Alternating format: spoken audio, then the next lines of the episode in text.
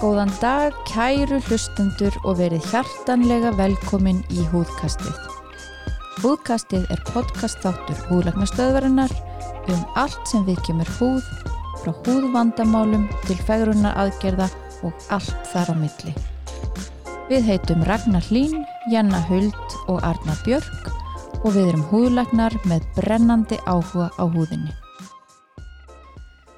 Góðan daginn kæri hlustundur og velkomin eh, til okkar í húðkastið. Við erum með eh, glæniðan þátt fyrir ykkur, Janna, Ragna og Arna. Og í dag ætlum við að tala um mjög algengan sjúkdóm, uh, atopist eksem eða badnaeksem. Um, atopist eksem heitir á ennsku atopic dermatitis og eins og ég sagði á hann, þetta er mjög algengur langvinnur bólgusjúkdómur í húð. Uh, við, það er mikið tala um badnaeksem, er ekki sammála því? Jú, mjög svo. Og uh, ég myndi segja að við værum svolítið að reyna að breyta þessu nafni af því að uh, það er náttúrulega fullt af fullöfnum fólki sem er að glíma við þetta líka. Já, þetta er náttúrulega í rauninni, finnst okkur flestum húleiknum allavega, þetta er rándnefni. Já. Að þetta er náttúrulega, gefur kannski til kynna þegar að fólk er eldra og fær kannski enginni aftur, Já. að það, það er svolítið skrítið að koma á stofun og segja, já, ég er með batnæks. Nákvæmlega. og fólk verður líka bara svolítið hissa á því að það sé komið með axem aftur og emitt og Já, þannig að batnæksi sé komið aftur. Já, veginn Og fólk heldur líka ofta að, af því að það er tala um badnaeksem að þetta muni þá bara vera hjá börnum og, og, og koma aldrei fyrir hjá fullöfnum fólki. Akkurat Já, verður einmitt eins og sagði, hissa þegar þetta kemur aftur. Mm -hmm. Af því að það er rauninni einmitt, kannski gefur þetta kynni í nafninu að það sé bara á meðan Einmitt. það er batn. Maður er badn. Þannig að við ætlum kannski aðeins að reyna að breyta þessu í atópist. Axem okkur finnst það gott nafn og, og maður þarf ekki að þýða öll nöfn yfir íslensku.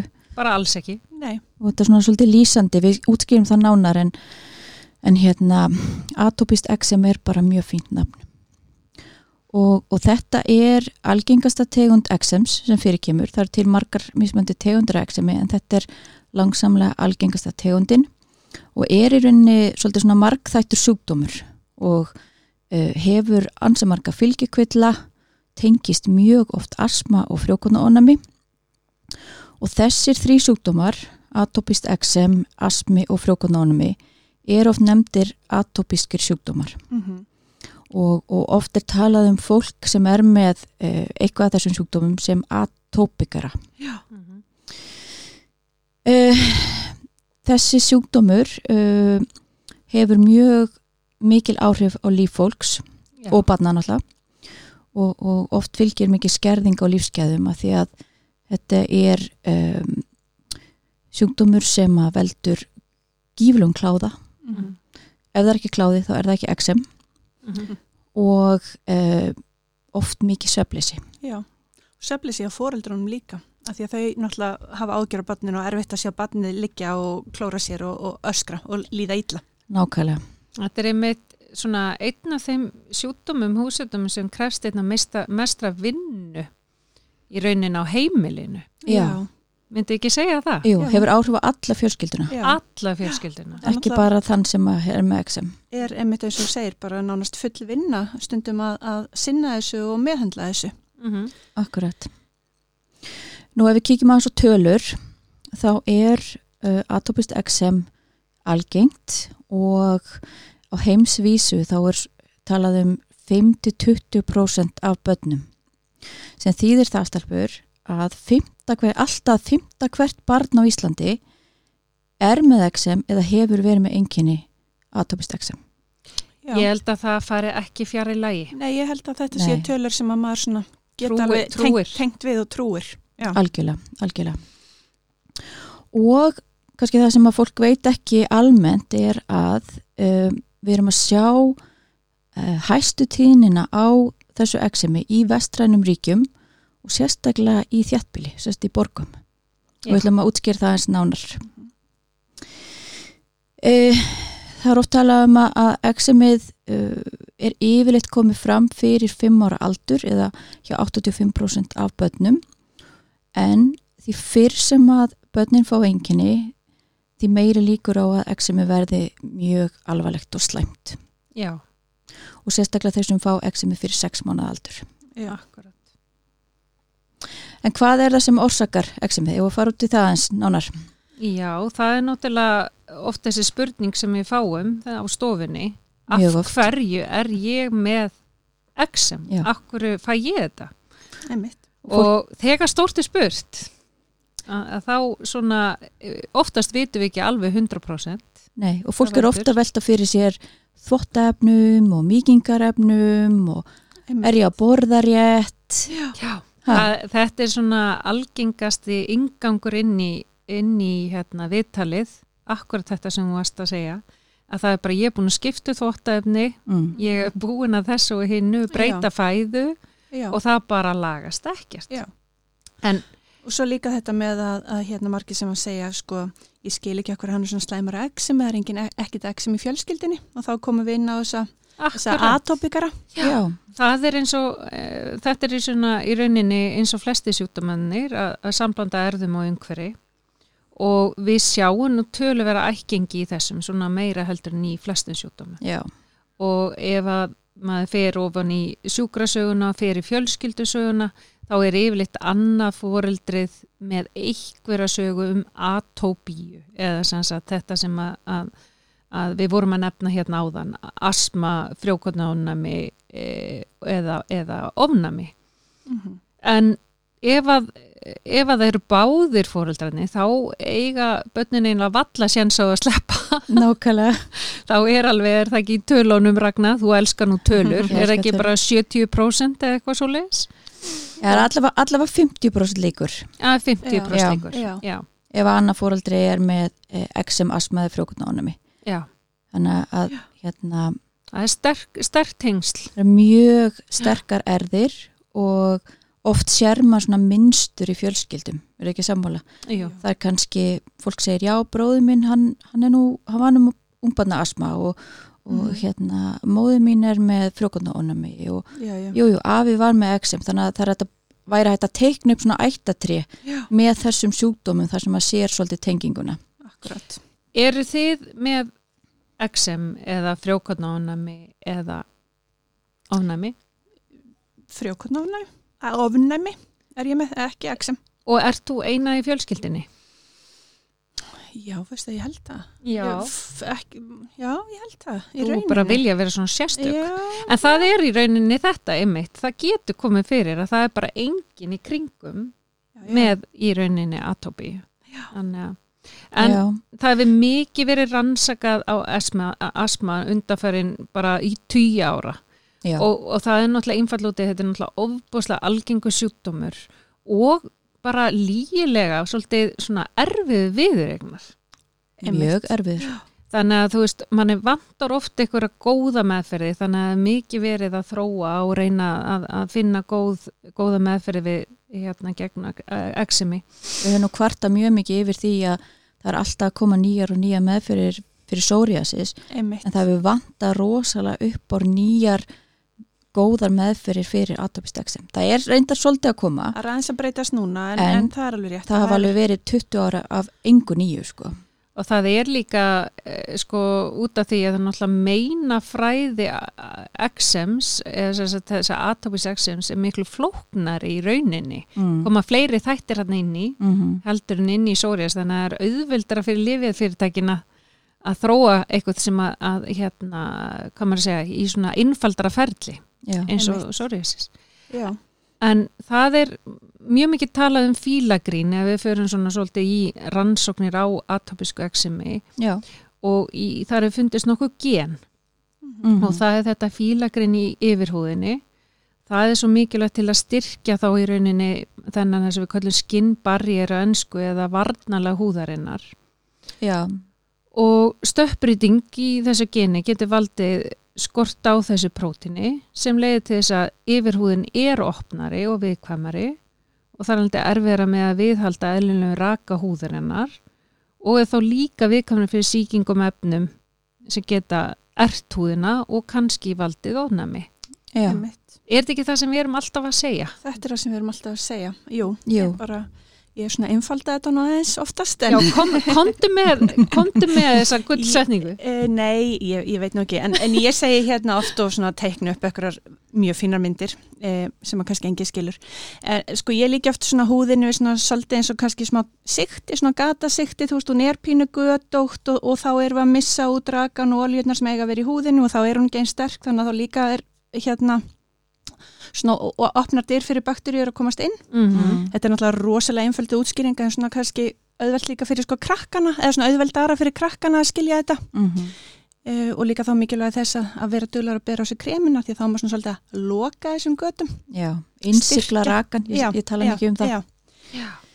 En Þetta er bara mjög góð útskýring og þetta er í rauninni bara akkurat þetta sem að er verið að fjalla um. Það vantar þarna í rauninni eh, þetta prótín til þess að loka alveg húðinni. Hún er göttótt, meira göttótt. Og hérna, og svo eru náttúrulega ímsir umhverfstættir sem geta haft áhrif á sem sagt atopis XM til dæmis að búi í þjæppbíli eða vera útsettu fyrir ímsir bakterjum snemmi í lífinu og svo er líka talað um sem mér finnst mjög gaman að spá í að því ég er uppalinn í sveit Já, að því ég, nú er ég náttúrulega alltaf í drullu allstaðar bæði í fjósi og, og, og fjárasum og svona. Þessi hreinlætiskenning.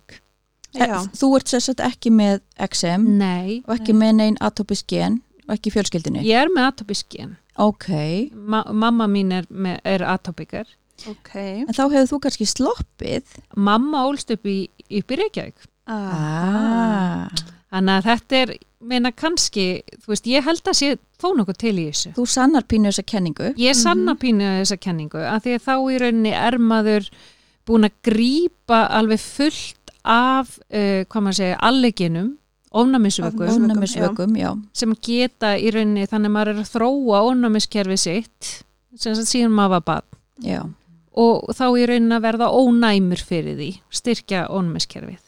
Heyrðum við skulum aðeins útskýra þessa kenningu því við erum ekkert, ekkert búin að fara út í hana. Nei, gerðu það. Þetta er þess kenning sem er kallur hreinlætiskenningin eða hygiene hypothesis og, og gengur út á það að það er minni tíðni atopist eksem hjá börnum sem eru útsett snemma fyrir bakteríum og sníkidýrum eins og ormum almennum hústýrum, hundum eru sett snemma á leikskóla og eiga fjölda sískina þannig að bottom line er sagt að, að minna hreinlæti og að lifa í minna sótt hreinsuðu umhverfi mingar tíðni á atopisku eksemi þannig að eins og vera alveg sveit eins og þú Já, að það er fyrirbyggjandi er fyrir, vendandi. er vendandi Já. fyrir uppkomi eksems Akkurat.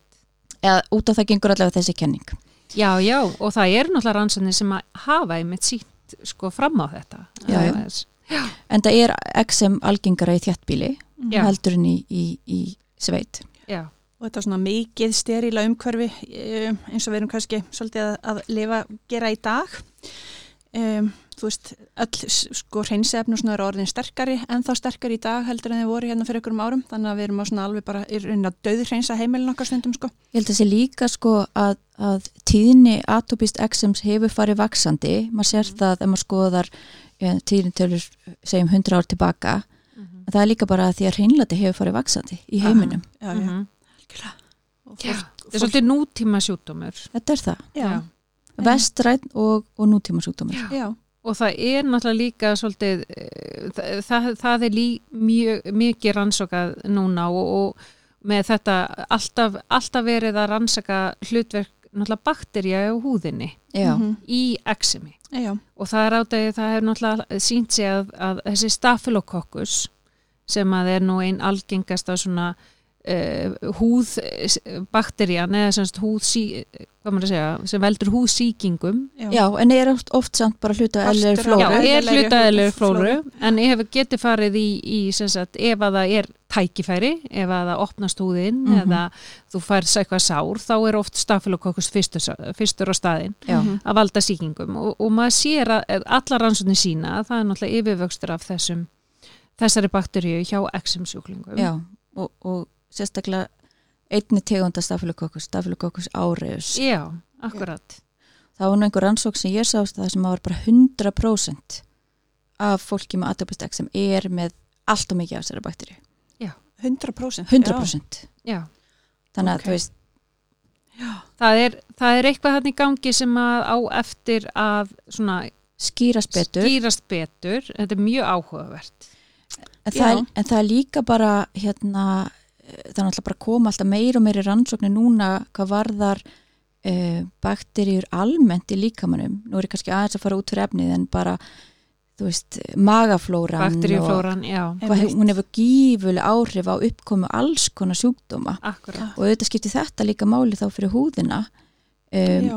Þetta er ekki bara það að, að XM, fólk með XM er með allt og mikið af þessari bakteríu, heldur bara það vantar þessa svona Flóru. flóru, þú veist að því við erum með fullt af mismöndi bakteríum á húðinni og þær vinna saman og þær vinna að því að halda burtu slæmu bakteríunum Mm Einmitt. og, og, og, og hérna þeim, þeim bakteríum og veirum og, og síklum sem geta valdið alvarlegum síkingum en þeir eru bara komið eina yfirgnæfandi tegund þá ertu ekki komið með alla þessa vörn eins og maður á að vera með Nei, líklega er ekki. það ekki sammála? Já, Jú, líklega ekki. Einmitt. Það er náttúrulega svona bara hárfínt jafnvægi á þessum bakterjum. Sama með magaflóru, ég meina við viljum vera með fullt af mismunandi tegundum Akkurat. Algjörlega. Einmitt. en þetta var pínu út fyrir efnið Já, en svo vorum við náttúrulega aðeins komnar inn á svona þessi einkenni og síkingar og, og svoleiðis, þannig að svona ef við förum aðeins betur í hverju helstu einkenni XM-sins og þá kannski ágætt að byrja á að, að segja að XM er hérna orð sem er tekið úr grísku og þýðir í rauninni að sjóða upp úr. Það er svona svolítið kannski einkennandi fyrir þetta XM eins og það getur verið þegar það er sem vesti þá er það þessi svona rauðu mikið klæjandi útbrot sem að svo hérna kannski verða að, að blöðrum og, og svona vessandi blöðrum og, og svo síkingu. Þannig að þá í rauninni getur þetta verið svona eins og okkur suðupottur, ég veit ekki. Þetta er svolítið gott orð yfir akkurat þetta svona þennan akut fasa Já.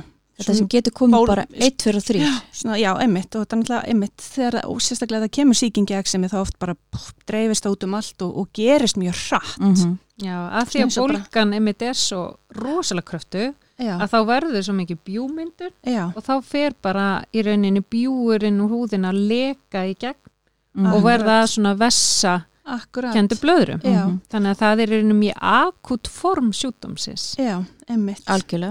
og þá náttúrulega fer þetta stundum að vinda upp á sig því að þegar að húðin er orðin svona og það eru komin þessi sár og blöðrumyndarnir og sár og þá náttúrulega fara að koma meiri bakteríur inn í þetta og þá fer þetta að verða svona svolítið, já, jábel bara hálgjöru vítar hingur sem að hérna þarf að, að stoppa. Mm algjörlega E, og þetta er náttúrulega eins og bara gefur að skilja mjög mikil óþægindi sem að fylgja þessu kláði, sviða, heitatilfinning og bara gífæli vannlíðan. mm -hmm. Um, en svo þegar að, að hérna, e, fólk er búið að vera, þetta var svona þessi akut fasi af exuminu, en, en svo er til svona, þú veist, þessi langvinni fasi. Þá er húðin oft orðið svona þyknuð og, og hérna svona eins og hálfgerð svona leðurkend og, og mikið klórför hér og þar og, og, og þá er hún kannski ekki eins eldrauð, þá er þetta oft orðið meira svona brúngráir litir og, og hreistraðar blettir á líkamann. Um, nákvæmlega og, og, og langar að nefna bara að því veist að tala um að vera svolítið, svona leðurkend og, og það er af því að þegar að það búið að vera svo rosalur kláði í langan tíma og fólk er búið að vera að klóra sér endalaust já. þá svarar húðin með því að þykja sig þannig að þetta er rauninni bara hálfgjörtu varnar viðbröð viðbröð, akkurat. húðarinnar þannig að þá sér maður þess að svona þykku leðurkendu húð og þá veit maður að exem er búið að standa yfir gífulega lengi Einmitt. Já, einmitt og mikilvægt einmitt þarna, þú veist að maður, svo fólk vita að grípa snemm inn í og meðhendla mér snemma til þess að maður lendi ekki í þessum fasa, Já, það er, Já. það er erfir að ná, ná því nýður þessum breytingum. Já. En svo þegar þessi akutfas er búin og, og hérna kannski búið að meðhandla og, og, og róðin horfin þá er oft litabreitingar sem að geta setið svolítið lengi eftir í húðinni oft svona brúnleitar og, og svona lýsast svo með tímanum mm um, og það er ekki sko í rauninni ekki eximið en það er bara spór eftir eximið og það einmitt getur setið svolítið lengi eftir í húðinni.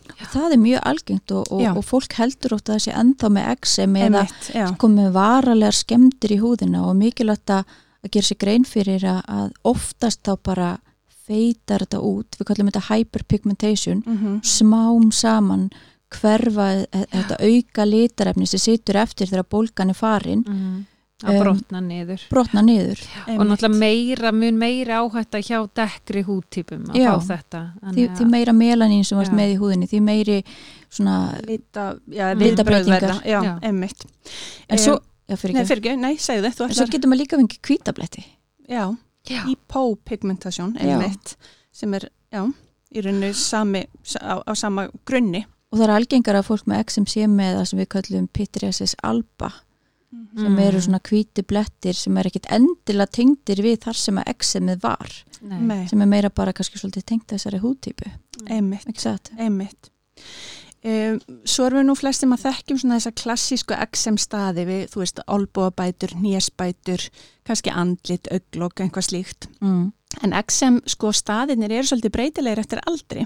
Um, og við sjáum ungu börnin, hérna kannski undir tveggjara aldri, að, að þau eru oft með sko XM á svona utanverðum uh, útlimunum, uh, sem sagt upphandlegjum, framhandlegjum, uh, framan á Leigjusvæði Já, bleiusvæði að sjálfsögðu, einmitt, erting undan bleiunni og, og XM þar. nefnilega ekki stelpur það er algengara Já, að börn, bleiubörn séu Séu ekki með XM já. undir Nei, a- bleiunni Atopist Akkurat. exem Já, Og af hverju er það?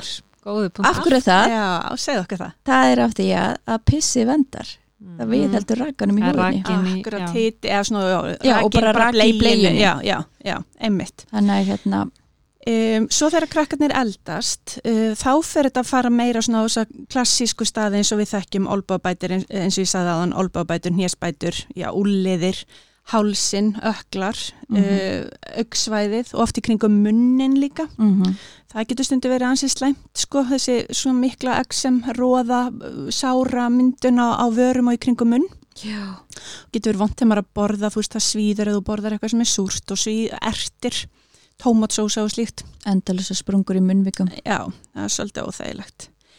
Um, en svo fullorðna fólkið. Mm. Hvað er það með eksemi sitt? Þú veist, þegar við erum að tala um hérna fólk sem er kannski komið já, yfir 16-18 ára aldur. Það er náttúrulega talað alveg um að sko, þú veist, þau, þau börn sem að greinast með exem að það er náttúrulega ofti kynþróskan sem að þetta lagast tímabundið Mhm. og það er náttúrulega klálega eitthvað hormonatengt en kannski nákvæmt ferill ekki alveg vitað en svo er alveg um 70% held ég, er ekki rétt stelpur sem fá aftur enginni þegar þeir eru komnir um sko, þú veist, þessna um tvítut Já, og þá er þetta oft andlit og háls og svona öðruvísi enginni einmitt. Sko það er oft talað um, allavega það er ansóknir sem ég hef lesið að um, mjög stór hluti barna uh, verður mikið betri með árunum. En svona 20% af börnum halda áfram að vera með slæmt eksem fram á fullanins ára og jafnvel jafnvel alltaf æfi mm. þannig að hérna en oft er þetta eins og þú segir það, það lagast tímabundið Mm -hmm. og svo kemur það allt í hennu tilbaka það getur verið einmitt um tvítut eða jafnlengt um að setna á, einmitt og, og þú veist, þá getur þetta líka bara komið sem eitthvað eksem á auglókum, þú veist, eitthvað Akkurat. og þannig að Og hérna, maður raunin alltaf viðkvæmur í húðinni ef maður hefur, hefur fengið batna, eða, ex- svo atopist eksem Og, og það er svolítið mikilvæg punktur. Af því að þetta er líka mjög mikilvægt í sko, getur verið mikilvægt í starfsvali. Já, algjörlega Þannig að það þarf svolítið ef að, ef að fólk eða krakkar eru með slæmt XM sko, þá þarf aðeins að íhuga það þegar maður fara að velja sér hvað maður ætlar að vinna við og hvað námar ætlar, að- eða hvað ma- námar ætlar að fara í. og sérstaklega af því að við komum að þeim punkti núna að fullornir með, sem hafa verið með atopist XM að þeir fá mjög gætnan handræksum Akkurat. já, og bara snerti meira Já. áhættu á snerti og ofnæmi mikið, já, mikið af því húðin er svo opin og móttakileg fyrir þessum ofnæmisvökum þannig að það er Mhm. meiri áhætt að þróa með sér ofnæmi gegn ímiskonar efnum Efnum. Það er allavega mjög erfitt að fara í yðnskólan eða sem sagt, verða yðnaðamaður eða kokkur eða Hárgreiðslukona. kona. Uh, þess vegna þú veist, tannlæknir eða þú veist Já. að vinna með svona sterk efni og, og svo frammeðis Já, og það sem er mikill handþóttur handþóttur það var út í Svíþjóð þá voru, þú veist, oft þessir krakkar þessir sem voru svona alverstir voru sendi í, í hérna svona, hvað kallaði þetta? Það voru þeir sendi í viðtal uh, námsrakja og, Já, þú veist, þetta var á, já, ofn, þetta var á, á einmitt, ofnamisteldinni og það var svona svolítið farið ráðgjöf já, starfsval. Já, já, það var en svona það farið er mjög, mjög gott. Já, það var farið svona svolítið í gegnum hvað væri sko, já, hvað væri, ætti raunin að forðast. Já, já, Já. að því að það er náttúrulega mjög leðild að vera búin að menta sig í einhverju og, og hérna vinna við það. við það. já, Við sjáum þetta náttúrulega oft á stofunni með einmitt hárgjörsleikonur og sem bara einfallega verða að hætta. Já, Mhm. þannig að einmitt. En uh, aðri svona fylgikvilla þú varst nú búin að að nefna sérst fylgikvilla þá meina maður einhverja kannski sjúdóma eða eitthvað sem fylgir atopísku eksemi og þú varst búin að nefna Ragnar þarna Pitters alba Já. sem eru þessi ljósi eða hvíti blettur á húðinni. Já, það er nefnilega tölvöld af svona, svona sjúdómum sem geta fyllt atopísku eksemi Mhm. Og við erum náttúrulega bara búin að nefna þess að allra stærstu og helstu frjókotnafnami og asma og matarofnami Mhm. einmitt. en töluvert maður sér yfirleitt alltaf á exum krökkum hérna já, einmitt, sem við rættum nú um í bara um þætti daginn. um Já, daginn. Já, einmitt, sem er þá í rauninni hvað ákveðu við, kvöldu við þetta kjúkling og húð eða hvað Jú, var það ekki svona ágætis. svona grófa húð í Já. rauninni á Já. oftast upphandlegjum Mhm. en getur verið á lærum og annar staði líka já, andliti Já, Svo getur uh, verið í rauninni hana, það er nú ef að það er búið að vera lengi slæmtagsum í kringum augun, það Mhm. getur Já. verið þetta Danny Morgan línu sem maður kalla þá er svona þyknun á húðinni Mhm. undir augunum. já, oft, oft út á bjúsöfnun líka já, já, og svona þessi dekkri litur aðeins í kringum augun, stundu þekki maður svona atopikara, bara Já, fjarlægð. einmitt. Og það, það er, það er tölvert algeng. svo eru augvandamálin, þau eru aðeins algengari hjá þeim sem eru með atopist eksem Já. Sl slímhórabólgur í augunum Já, Og við tölum um að þetta hefði mikil áhrif á lífsgæði, þú Já. veist, lífsgæði, bara daglegt lífi einstaklingsins, þetta getur verið ansiflókið að koma inn meðferð og þetta er, er sjúkdómi sem kræst mikill að vinnu mm. og það hefur verið sínt tengst líka bara við þá geðræn vandamál já, já, á kvíða og þunglindi, aðteglisbrest og fleira. já, Hvort er ekki og hvort er hænan? nákvæmlega, það er spurningin Það er spurningin. og eitthvað sem við getum ekki svarað Við getum enga veginn svara. Það bara sést allavega í rauninni aukin tíðni þarna. En það er náttúrulega bara mjög oft í öllum króniskum sjúkdómum, hvort sem eru húsjúkdómar eða aðrir að, að, að, að þetta er svo viðvarandi vandamál og veldur svo mikil vannlíðan og náttúrulega Já. í, í atopistika eksem er kláðin náttúrulega þar sem að er að trubla fólk langmest já, þannig að maður skilur að fólk verði kannski um, þessi aukin tíðni á kvíða og þunglindi og, og, og þreitu og upp, fólk verður uppgefið á ástandinu akkurat. Svefleysi náttúrulega getur leitt hvert sem er bara í, í bara styrlun. Já, sko. já, já, já, já. já. Þannig að, Og, þessi, og þessi gífurlegi kláði já, þú, veist, ekki, þú getur ekki einbytt að sko neinu, er, fyrir krakka er erfitt að sitja í skólanum að einbytta sér og, og þú veist þetta er Ég held nefnilega að þetta sé mjög vannmetið. já, Þú veist að við, við kannski þurfum aðeins að taka okkur á að við, við erum náttúrulega bara svolítið að einblýna húðina, já, Mm. ekki satt? Mhm, Og, og ég meni ég spyr alltaf um þegar fólk koma með börnin bara hvernig sefur krakkin? mm. Það er það fyrsta spurningin sem maður spyr oft en maður þarf kannski aðeins að svona, fara betur út í, þú veist, hvernig Já. gengur í skólanum og Já, svo hefur þetta náttúrulega áhrif á, þú veist, íþróttastundun því að það er vond að svitna þegar húðin er svona viðkvæm og opin og svíður þið ennþá meira. get ekki farið sund Ekki skólasund, já, ekki sund, þú veist, þannig að þetta hefur bara áhrif á, á allt og svo náttúrulega bara útlitslega líka. Já, já, já. Heyri stelpur, hérna, eh, mér langar að ræða eins eh, hvort að XM, eh, atopist XM tengist ofnami. Já, ég er mjög, hérna, spennt að heyra, heyra eins um þetta. Fáðu ekki þessa spurningu mjög oft? Jú, uh, nánast bara alltaf þegar ekkur er að koma nýr eða þegar maður er að greina XM, XM hjá okkur sko, já, sem hefur ekki verið aðgreint mm þá kemur þessi spurning fólk oft búið að taka eitthvað út úr fæðinni mm eða sérst hægt að borða eitthvað um, og ég já, ég er spennt að heyra hérna svona og það er kannski mikilvægt að að hafa í huga þú veist, ef við ræðum þetta atopist XM, ofnami, asmi og allt þetta, að við séum alveg skýra á því og maður reynir að vera skýra á því að þessir sjúkdómar fylgi hvort öðrum, nákvæmlega, en þeir orsaka ekki hvort annan. akkurat Já. og það er svolítið líkilatri Það er nefnilega svolítið líkilatri. Já. En þetta lítur aðeins öðru þessi út hjá fullonum og börnum en það gera Jú, það. það gerir það mm, Sko eins og við sögðum áðan að þá er uh, XM og asmi og frjókvarnaonnami svolítið svona sam, samopnir sjúkdómar og rannsóknir hafa sínt að yfir helmingu barna með atopis XM atopis, atopis XM þróar með sér asma og frjókvarnaonnami fyrir 13 ára aldur.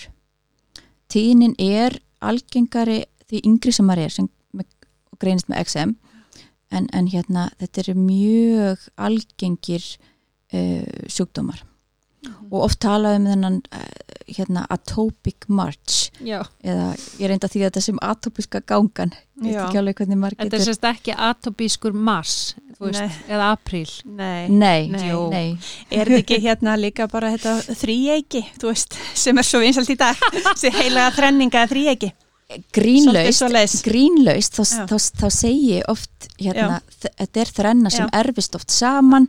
Veist, þetta eru gen sem að eru svolítið samofinn og, og, og bara þú veist, stundum fær maður eximið og, og stundum fær maður óöppin og fær allt trend einmitt, Mm. ekki satt? En, en hérna, það verður að meina með því að segja atopic march er þetta að það kannski kemur exim fyrst og svo síðar á æfinni að þá oft er það frjókotn og onnemi, það er náttúrulega kannski algengara eða, eða stundum er það asmin. Um, síðan er þetta með matarónami, Mhm.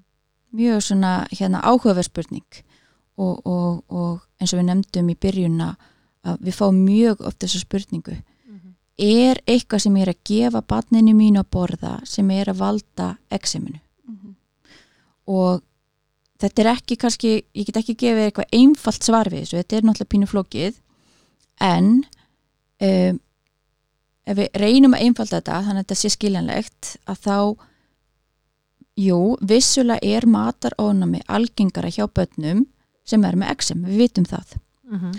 og uh, en það er ekki þar með sagt að matarónamið orsaki endilega vestnun á eximinu og þetta þýðir það að maður þarf að setja uh, uh, einkennin svolítið í samhengi við til dæmis það sem að uh, kemur fram á ónæmisprófum einmitt. Fólk eða börn eru stundum sendi í ónæmispróf uh, stundum gerum við það en, en kannski alla jafna er það ónæmisleiknar og, og, og þá verður maður að vera með einhvern fókus, maður getur ekki bara tekið einhvern ofnæmispanel og alltaf aðtúa um, alls konar þætti. Nei. þú veist, þú verður að vera með einhvern fókus. Akkurat. Og um, svo kannski okkur segjum að það komi í ljós að barnið sé með um, uh, sangat prófi ánami fyrir mjólk. Mhm. barnið drekkur mjólk. Já. ekkert gerist. Einmitt, og þá er þetta ekki raunverulegt ofnami sem er að valda enginum það er náttúrulega mikilvægast Erum við ekki sammála um það? akkurat, hins vegar, svo ég haldi áfram þá hafa alveg rannsóknir seint að uh, í vissum hópum getur matarónami valdið vestnun og eksemi hjá börnum notabenni, ekki hjá fullornum Nei, ég held að þetta sé einmitt mjög mikilvægu punktur að við, þetta er, við erum ekki að ræða hjá fullotnum. Nei, Nei, það er það- eiginlega alveg hægt að útiloka matarónami vestnun eksem hjá fullornum það er bara, einmitt. Já. við erum ekki að tala um það. Við erum Nei. að tala um hjá börnum. Og svo ég útskýri mál mitt ennþá frekar þá erum við aðalega að tala um börn sem eru með verulega slæmt eksem mm -hmm. ekki eitthvað mild form eða meðalslæmt form. Þetta er einmitt, verulega slæmt eksem börn sem hafa greinst mjög ung og svara ekki meðferð. Já, Já. það er það mikilvæga líka. Og það er einmitt þetta að við, svara ekki meðferð að við séum ekki, þetta er ekki það fyrsta sem við gerum. Nei, Nei, þetta er ekki í fyrsta viðtali sagt, að við bara sendum alla automatist eða sjálfkrafa í ofnæmispróf. Nei, því að það er hérna, þetta, þetta er eitthvað svona sem að byggist upp grunur um. einmitt. nákvæmlega. Og, og mögulega sendum við krakka þá til hérna ónæmislegnis ef að maður er búin að reyna ímsa meðferðir og það virðist ekki hafa negin áhrif á eksemið Ef ekki líka svolítið svona að tala um hverjir eru algengustu ónæmisvaldarnir í fæði. Þú veist hvað er algengast að vera með. Þú, veist, þú nefndi mjólkirna á þann já, Já, og það er í þá rauninni mjólk og, og, og, og netur og Já. egg og egg og kveiti og hveiti. Þetta er svona algengustu. já, já, já. nákvæmlega En bara, þú veist, það er mjög mikilvægt að, að ef fólk er með börn sem er með slæmt eksem og, og ég veit að maður verður pínu svona desperat, maður vill gera allt fyrir börnin sína, það er erfitt að horfa á börnin sín kvæljast, ekki fara að taka eitthvað út úr fæðin og prófa sig áfram eitthvað sjálfur með lítil börn, það er ekki, það er ekki gott. Það er ekki mælt með því því að, því að það getur náttúrulega endaði því að þú ert farin að gefa barninu þínu ekki nógu næringaríka fæðu. Já, þannig að er taka út einhverja mikilvæga þætti sem að kannski er algjör óþarfi að taka akkurat, út. þannig að það er rosalega mikilvægt að, að hitta lækni og, og uh, ráðfæri sig. Svo hérna er kannski aðeins að nefna það líka að það er allavega mér finnst það algengt að, að fólk komi með uh, börnin og telji að sítursáestir, Já, tómatsósa. tómatsósa Mm. valdi ofnami því Já. kannist við þessa Mhm. spurningu Já, eða Mhm. að krakkarnir sé með ofnæmi fyrir þessu, já, Já. einmitt. og, og þá er þetta yfirleitt lítil börn og bara ef maður sér fyrir sér svona lítin atópískan Mhm. optípist barn Já. þá er það yfirleitt svona raukt og viðkvæmt einhvern veginn í andliti og í kringum munnin Mm. Einmitt. og þar að leiðandi eru þessi, hvað maður að segja þe þe þe þessi hérna, þessa fæður, Já, það er erta húðina Mm. einmitt. þannig að það losnar vögvi úr tómutunum sem að ertir húðin í kringum munnin Mm. og í rauninni er þetta svona bara ertingseksem en ekki, Já, ekki ofnæmi já, einmitt. Og það sama má segja líka um alls konar þætti sem erta húðina því fólk heldur ofta að uh, það sé ónæmi fyrir þvottaefnum eða ónæmi Mhm. fyrir ákveðin sápum eða, eða, eða slíku en oft við erum alltaf að tala um ertingu, irritasjón því við, húðin er svo viðkvæm Já, þannig að það þýðir ekki endilega á sért með einmitt. heldur bara þú ert svo viðkvæmur fyrir að geta um, fengið þessa ertingu í húðina. Þannig að komum við að siktun hennar örnu sko. Já, að því að það er í rauninni öll þessi allergin, ofnæmisvakar möguleg allergin þau bara, þau fara mjög létt í gegnum siktið ekki sagt? Þau fara mjög leka bara í gegnum sikti. gegnum siktið. Nei og eins og með ertinguna, þú veist, í húðinni sko munnvatn og slef náttúrulega, þú veist að þegar maður er þurr og svíðir þá eh, sko hefur maður tendast til að sleikja út um og sleikja til, a, til að væta. En, en munnvatnið er náttúrulega mjög ertandi. Uh, maður sér oft svolítið slæmt exim í kringum munnin hjá krökkur sem eru með snuð þú veist, þau slefa meira. Um, þau eru ekki með ofnami fyrir snuðuna en, en það er bara, þú veist, þessi innilokun og, og, og slef svo eitt hérna með þvottaefni. Mm. nú er nú uh, háttvirtur húlæknir sem vinnur með okkur hann Stengrimur Davísson Já, við vorum eins og að ræða þetta. Og maður hafa mjög mikið, ég held að þessi mjög mikið viti í þessi sem hann var að segja. En það mikið viti í mörgu sem hann segir. En það var einmitt þessi punktur með þvottaefni versus smíkingarefni. Já, Já, þvottaefni skilst úr. Þegar þú setur í þvottahélina setur í þvottaefni og svo er í rauninni allt skólað úr. Akkurat. Ekki ok, satt, jú. já, en mýkingarefni setur eftir Já. í fötunum. Mm. og þá ertu komið með í rauninni eitthvað sem gæti mögulega valdið ofnæmi, sérst mýkingarefni Mm. en ekki þvóttaefni ekki þvottaefni.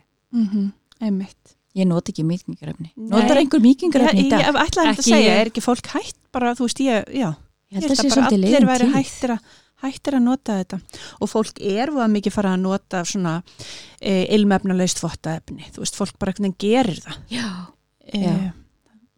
en, en að því vorum að ræða þetta langar maður að nefna þú veist að við vitum að, að matarónami e, er algengara hjá, hjá fólki sem er e, með atopist XM og, og líka sagt, það sem við köllum svona ofnami fyrir loftbornum uh, ónæmisvökum eins og Mhm. frjókotnum, grasi, uh, hundum, köttum og, og svo framvegis og, og kenningin sem sagt gengur út á hérna sem sagt sikti þitt, Arna Já. bara húðin er opin Mhm. og þá komast þessir sagt að hafa greiðari leið og, Mhm. og valdið og valdið þannig að sem við kallum sensibiliseringu Já.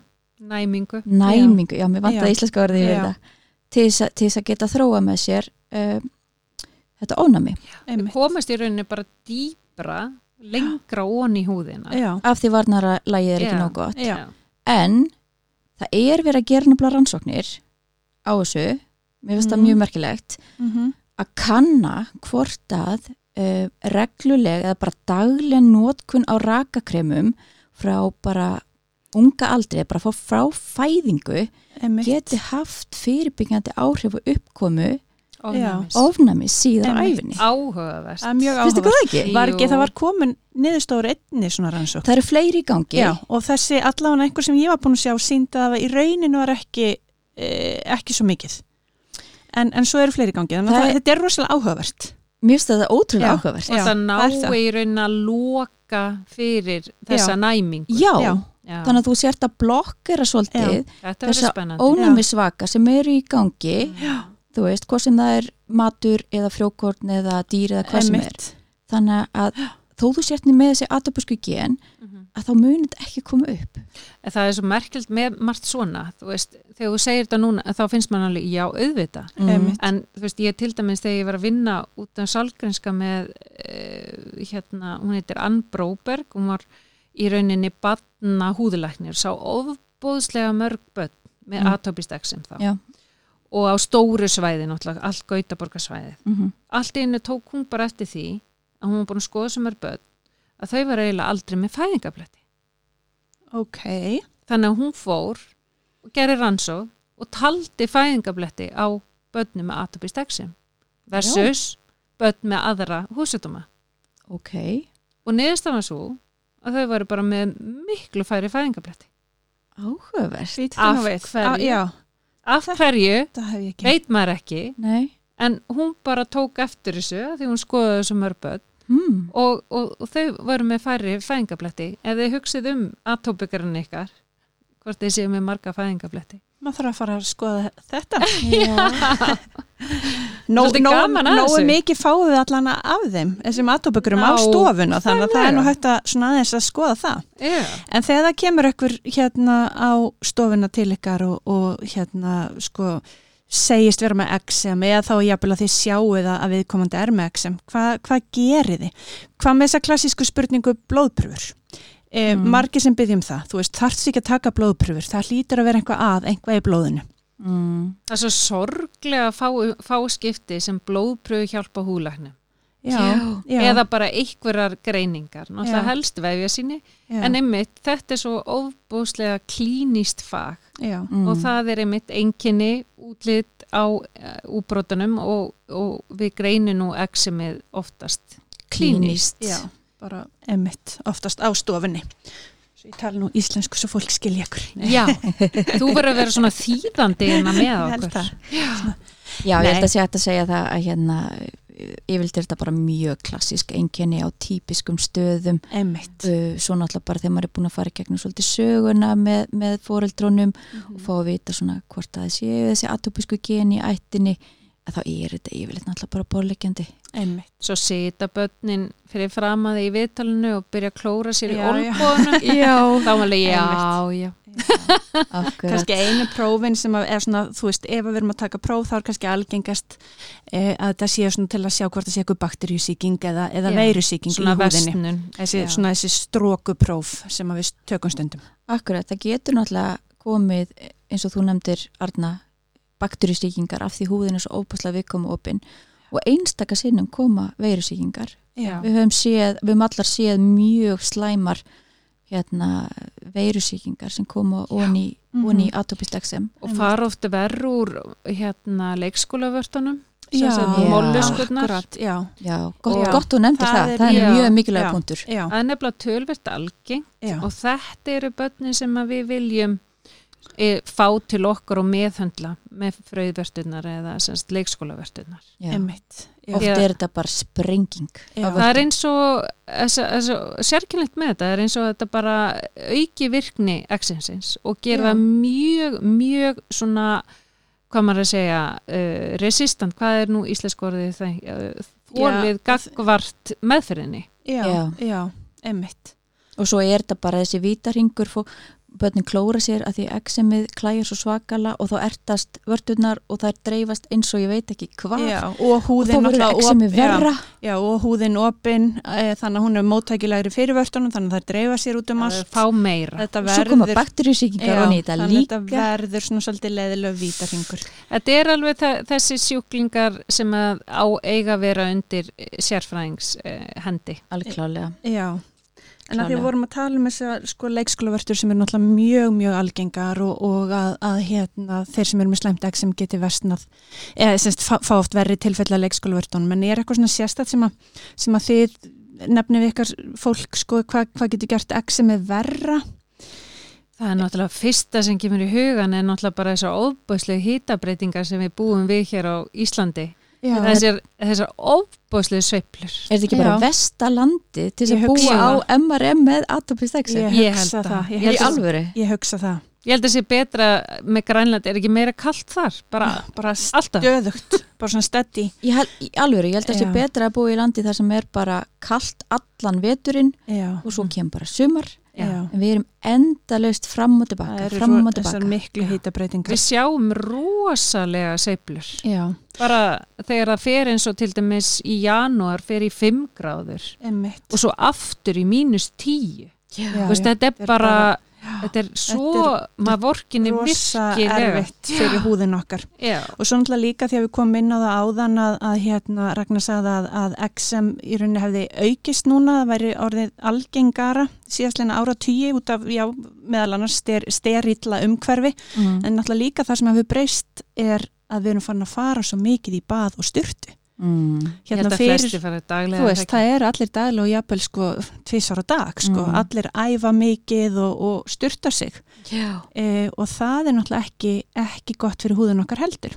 Nei, hún þólir þetta ekki. Nei, Nei. þetta er svona svolítið eins og Vatn. maður, vatn og sápa og klóri er það versta fyrir exem húð sko já, já, þetta er svona, já, einmitt, þannig að Og það er ekki ma- gott. Nei, og þegar maður nefnir þetta við, það er nú kannski minna með börnin, það er náttúrulega hægt að stýra því betur kannski. Já, En þegar maður nefnir þetta við fullotna með atopisteksi, Mhm. að á veturnar að fara kannski ekki nema svona tvisar í viku það missir andliti í styrtu og það er bara hort, bara, bara ha, ha ha, Ég- það er ekki hægt. ég er nú ekki svo aggressív, en, en ég segi sko fólki allavega til að það bara, þú veist, vilji koma til mín aftur, þannig að þá byrja ég nú svona mikra, ég segi sko fólki kannski bara fyrst að byrja á að fara bara mjög, í mjög stuttar sturtur. Þú veist, þú þarft ekki að standa undir sturtin í 10 myndur eða 20 myndur. og volgar, ekki volga, heitt vatn. emmitt, að sko lækka hitastið líka, þá ertu nú komin bara svolítið áleiðis, þú veist, allt betra en ekkert eh, sleppa sundi líka að- þegar það er slæmt. já, og ekki vera, nú eru svo margir konum með heitapotta heima hjá sér, þannig að fólk er að fara í heitanpott daglega, sko, oft. Mm. Já, Það er ekki svo, gott. náttúrulega ef eins og þú nefndir líka sættina, flestir einmitt í dag er náttúrulega bara duglegir að reyfa svo svona. Og auðvitað veit maður það að það er ekki hægt að hægt að ekki fara í sturtu eftir líkamsrækt en kannski dagana sem maður ekki að stunda líkamsrækt væri hægt að sleppa. Já, já. og þú þarft heldur ekki alltaf að nota sápu Nei, það Nei. er nefnilega akkurat þá, sérstaklega við, sko, bara skóla svitana þú veist, sérstaklega þegar maður er í styrtu daglega, þá, þú veist, já, fólk gerir sér ekki alltaf grein fyrir því já, og finnst að þurfa að maka sig í sápu frá toppi til táar. Já, þú ert bara að taka burtu þessa náttúrulega húðfytur sem við Já. þurfum. Já, og sérstaklega náttúrulega fólk með þessa húðtypu akkurat, þarf virkilega á sínum húðfytum að halda sko Prófessorinn sem kendi mér húðlæknisfræði í háskólanum hérna fyrir cirka 100 árum síðan, hann sagði alltaf sko að nútíma fólk er ekki skítugt. Við þurfum ekki þessa miklu sápur alltaf. Nei, Við erum ekki drullug. Þú veist, við erum ekki þannig vinnu, við erum ekki úti, þú veist. Nei emmitt að svo kannski mikilvægt að, að hérna að enda þetta á að tala um streitu Já, Hvað- Já, hvaða Já. áhrif streita hefur á atopisteksem en hún náttúrulega hefur gífilega áhrif á í Mjög. rauninni bara heilsuna almennt Já, og, og mjög mikið á, við sjáum þetta í langvinnum bólkusjútum í húð akkurat, og sérstaklega með þá atopísteksim og psoriasis og svoleiðis. akkurat. Streita hefur gífurleg áhrif á svona króniska bólgusútama í húð Algjörlega, Já, og, og, og er lúmsk? Mjög lúmst en maður sér þetta hjá krökkum, prófa tímabil til dæmis, komaðu, mjög slæm. Ég líka bara, ég, veist, eins og í nútíma samfélaginu við, það er bara svo rosalega ræði og svo rosalega streita þessi almenna króniska streita sem er í gangi. Mm.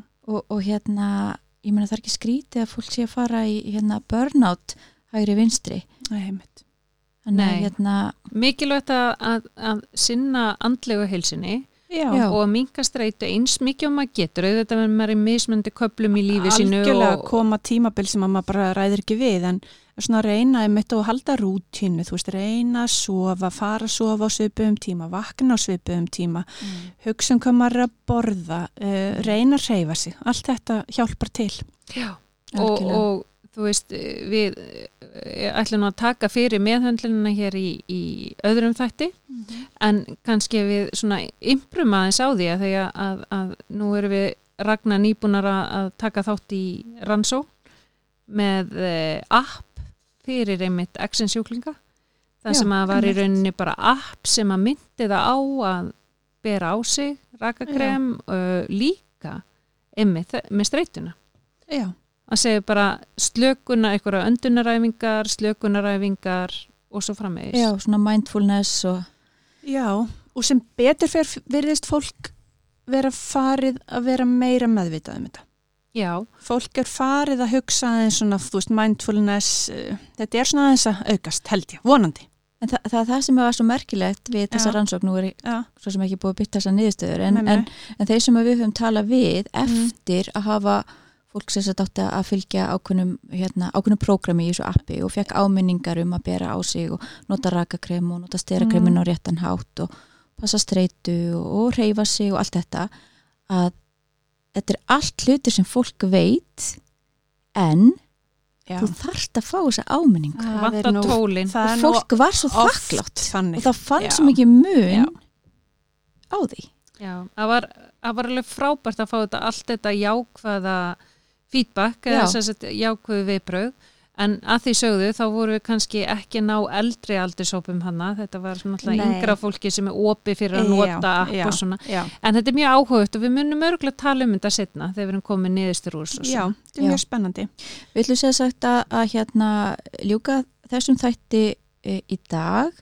E, í næsta þætti ætlum við að taka fyrir e, meðferðir við eksemi og kafa svolítið djúft onni, í mismöndi meðferðir og, og e, leifa fólki að, að, að hérna e, kynnast svona hvað, hvernig við setjum upp meðferðarprogram fyrir fólk með eksem. Einmitt.